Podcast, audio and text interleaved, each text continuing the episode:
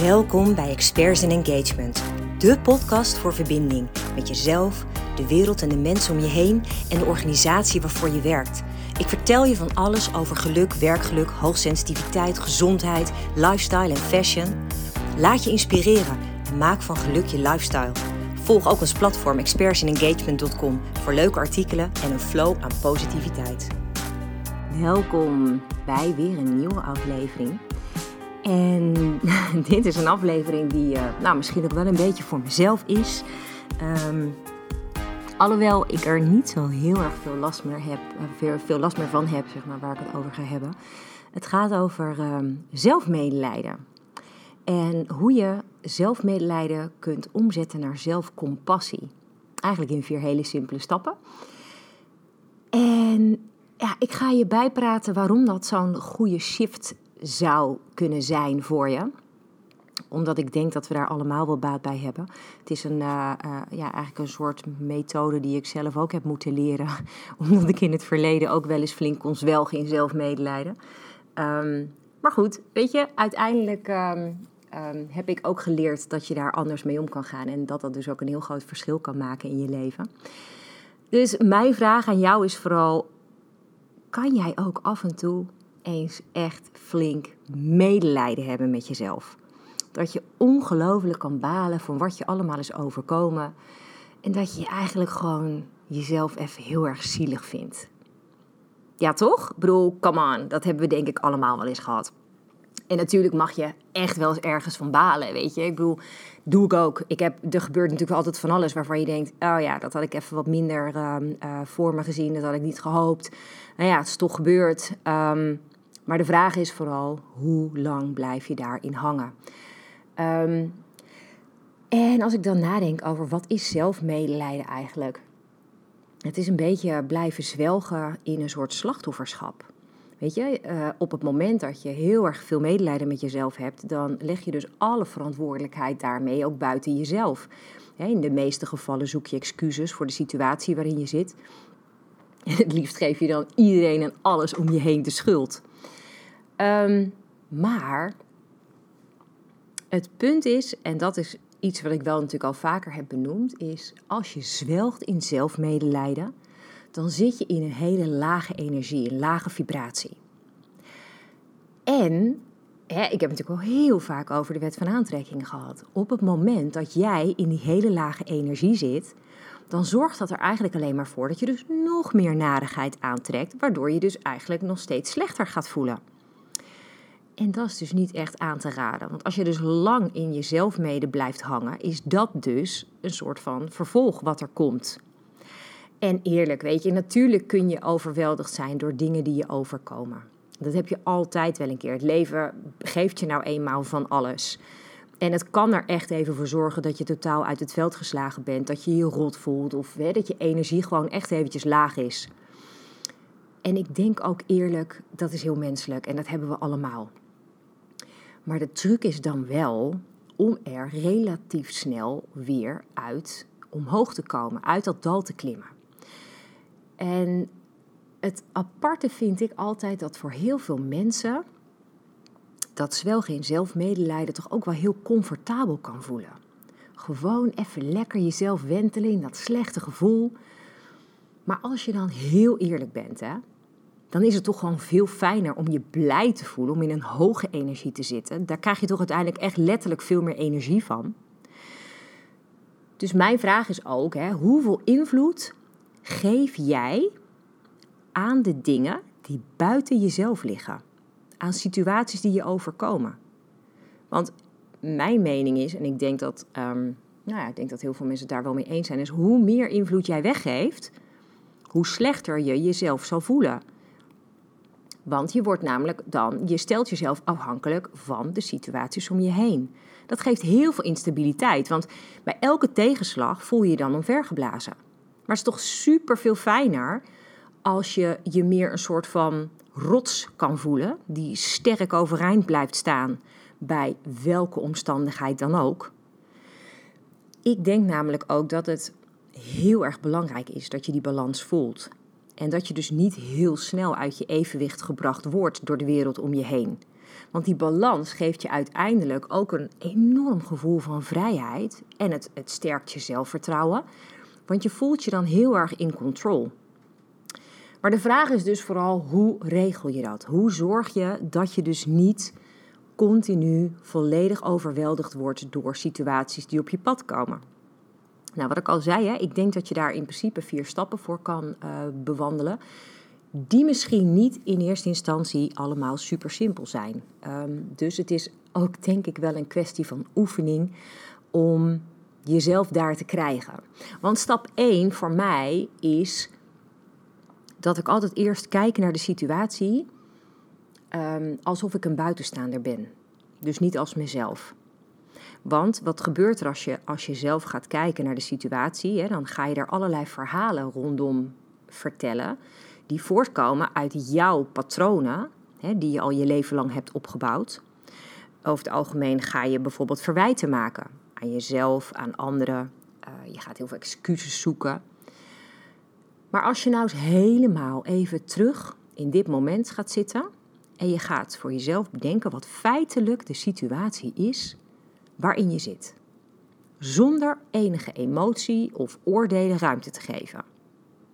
Dat is stap 1. Gewoon eens even kijken, puur feitelijk. Schrijf het desnoods op.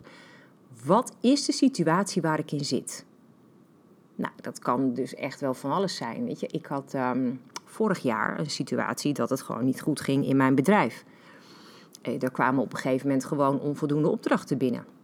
Maar de rekeningen die stroomden wel mijn mailbox binnen. En dat kan dan een situatie zijn uh, waar ik enorm in had kunnen gaan zwelgen. Um, en ja, geloof me, ik ben ook echt wel eventjes daardoor uit het veld geslagen geweest. En dat ik ook echt even dacht, wow, wat nu? En dan ga je aan alles twijfelen en dan weet je het gewoon echt even niet meer. Maar op het moment dat je ook hier gewoon puur praktisch, heel feitelijk op papier gaat zetten wat de situatie is, dan ga je namelijk ook veel beter zien wat een mogelijke oplossing is. In plaats van um, ja, heel erg mezelf zielig te gaan vinden. Uh, ik was uiteindelijk zelf verantwoordelijk voor bepaalde keuzes die ik heb gemaakt. Weet je? Ik heb er uiteindelijk voor gekozen om medewerkers te laten gaan. Um, omdat zij geen opdrachten binnenhaalden zelf en ik ook um, voor hen niet voldoende kon binnenhalen, waardoor ik alleen maar aan het werk was om hun salarissen te betalen. Ja, dat is een keuze die ik had gemaakt, weet je. Dus ik moest daarin een keuze maken om te zorgen dat de situatie veranderde.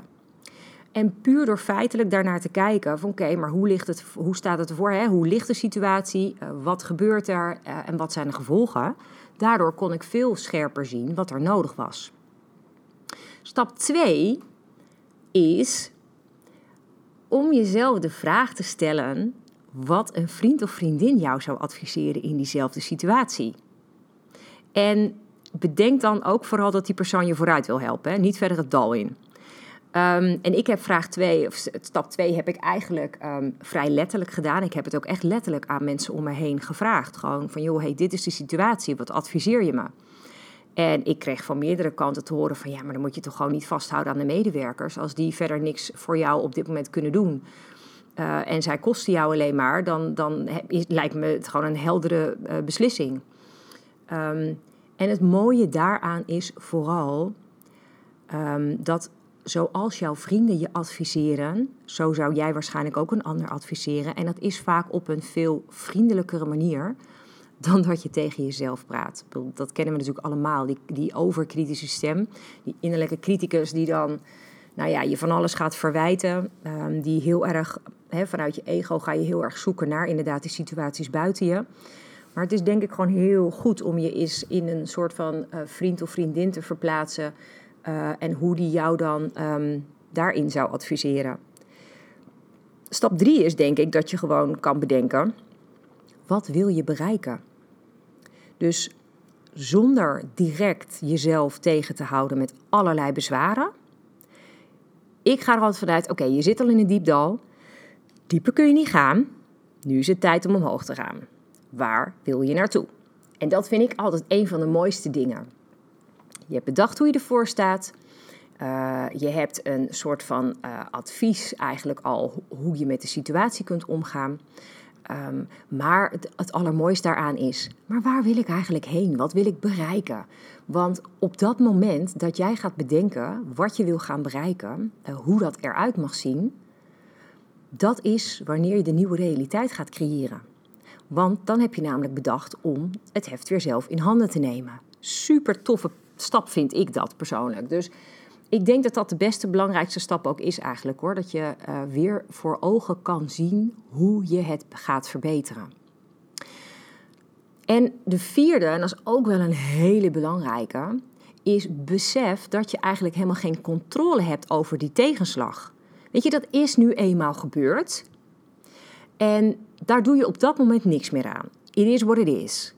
Alleen, dan is het tijd voor verbetering. En waar het dan om gaat, is dat je beseft dat jij die verbetering ook verdient. Heb compassie met jezelf, geen medelijden. Um, want het mooie vind ik van compassie, compassie gaat veel meer over vriendelijkheid. Het gaat over um, kijken naar wat jij verdient, zonder oordelen. Um, het is een totaal andere emotie dan zelfmedelijden. Want wat mij opvalt als je het hebt over zelfmedelijden, dan zit je ook in een soort gevoel van angst. Hè? Um, en angst, nou ja, we hebben het al eens eerder over gehad, dat is gewoon een hele lage energie. En zelfcompassie gaat meer over liefde voor jezelf. Het is de wens voor jezelf om een betere situatie te creëren. Dat is fantastisch, toch? Dat, dat is waar je het uiteindelijk voor wil doen. En het mooie met zelfcompassie is dat je dan eigenlijk jezelf op een hele lieve manier een flinke schop onder je kont geeft. Dat je jezelf dus de moeite waard gaat vinden om ook dingen actief aan te pakken, om zo je situatie te verbeteren. En dat is wat we vaak vergeten. Juist als we dan heel erg aan het zwelgen zijn, dan mm, heb je de neiging om daar gewoon heel erg in te blijven hangen. Terwijl het allerbeste, het, het mooiste wat jij voor jezelf kan doen, is jezelf die schop onder je kont geven. Op een vriendelijke manier. Weet je, we zijn zo vaak zo streng voor onszelf, veel strenger dan voor anderen. Um, en vandaar dat ik inderdaad ook zeg, hè, met die tweede stap, is dat je dan moet voorstellen dat je dan een, een vriend of vriendin uh, adviseert, omdat dat vaak gewoon veel uh, vriendelijker gaat. En ik vind, je mag wel wat streng voor jezelf zijn, om in ieder geval uit die zelfmedelijden te komen. Ik denk dat dat een hele goede is, maar doe dat dus wel met compassie. Respecteer je gevoelens die je hebt en de gedachten die je hebt over de situatie. Dat is er gewoon, dat mag er ook gewoon zijn, helemaal prima. Um, en zie dan wat je ervaart als een waardevolle les. En bedenk vooral hoe je dus verder wilt na die les. Ik denk dat dat een hele belangrijke is.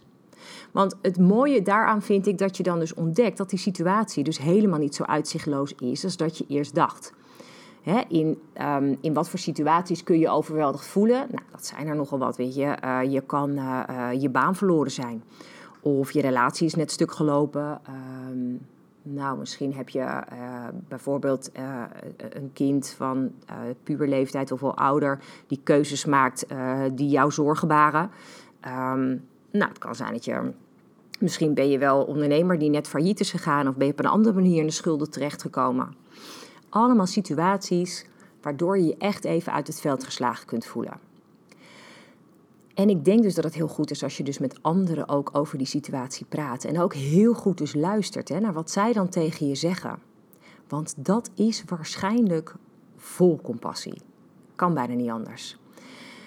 En vertrouw ook gewoon op jezelf. Hè. Um, dat zie je eigenlijk altijd wel. We zijn allemaal zoveel meer veerkrachtig dan we denken.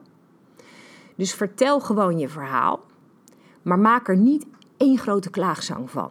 Vertel gewoon wat de situatie is, wat het met je doet en hoe je je voelt. Gewoon plain en simpel. That's it.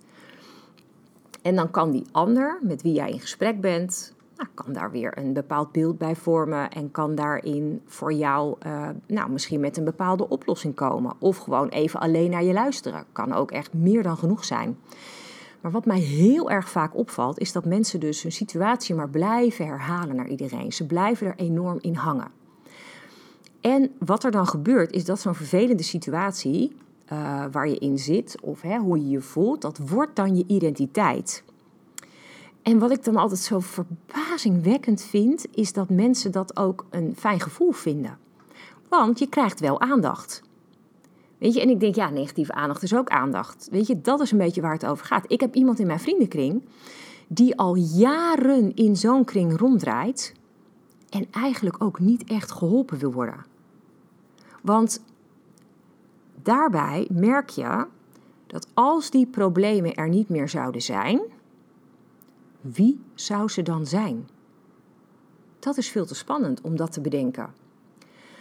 Die problemen, die, die ja, soort van terugkerende situatie, die puur alleen maar komt omdat zij niet uh, uh, ja, echt, echt het lef heeft om er echt iets aan te doen, is gewoon wie zij is geworden. En dat is best wel zonde, want je raakt ook mensen om je heen kwijt. Of mensen um, zijn op een gegeven moment gewoon een beetje moe van weer te luisteren naar alle um, ja, problemen, geklaag. Mm.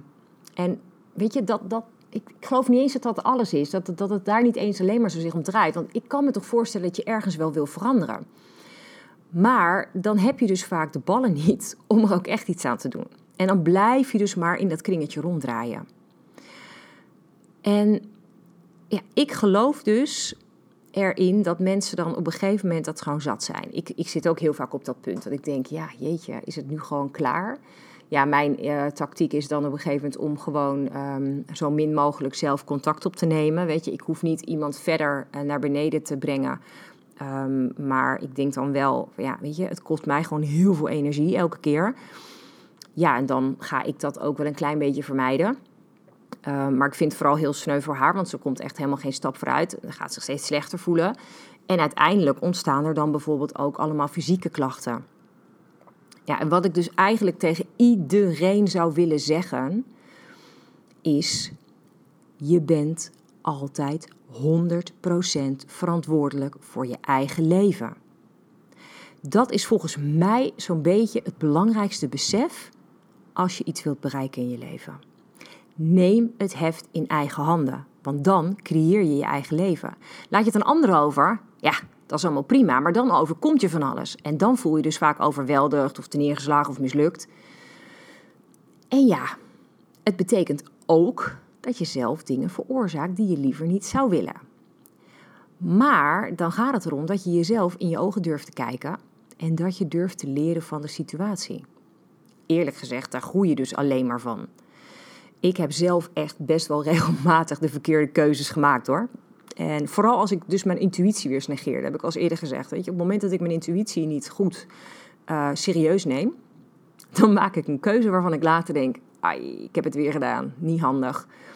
En mijn ultieme les daarbij is dat ik dus gewoon heel dicht bij mezelf mag blijven en naar mijn innerlijke stem mag luisteren, die precies weet wat ik nodig heb. En dat is zo'n ongelooflijk belangrijke actie om echt gewoon te voelen van binnenuit wat jij nodig hebt, in plaats van dat anderen voor jou gaan bepalen wat je nodig hebt. En ook heel eerlijk durven zijn. Weet je, alle dingen waar ik minder blij mee ben in mijn leven of minder blij mee was, zijn wel allemaal ontstaan omdat ik daarin niet de juiste keuzes maakte. En nou zie ik dat voornamelijk terug in mijn werk. Ik heb het nog steeds, nog steeds, dat ik anderen dan te veel wil pleasen. Waardoor ik dan mezelf weer voorbij loop. En daar kan ik echt ongelooflijk last van hebben. Ik bedoel, ik heb dan mijn prioriteiten lang niet altijd op orde. Dat gebeurt in dit geval, um, nou ja, best wel. Ik zal je even meenemen in de situatie. Um, die daar dan door ontstaan, waar ik dan vervolgens ook gewoon weer niet blij van word. Dus vlak voor mijn vakantie bijvoorbeeld gebeurde dit eigenlijk weer veel en veel te veel. Het is drukker dan ooit midden in deze zomer. En alle opdrachtgevers um, hadden het idee dat ik dan voor hen een uitzondering moest maken en hun opdracht voorrang moest geven. Ja, hartstikke leuk.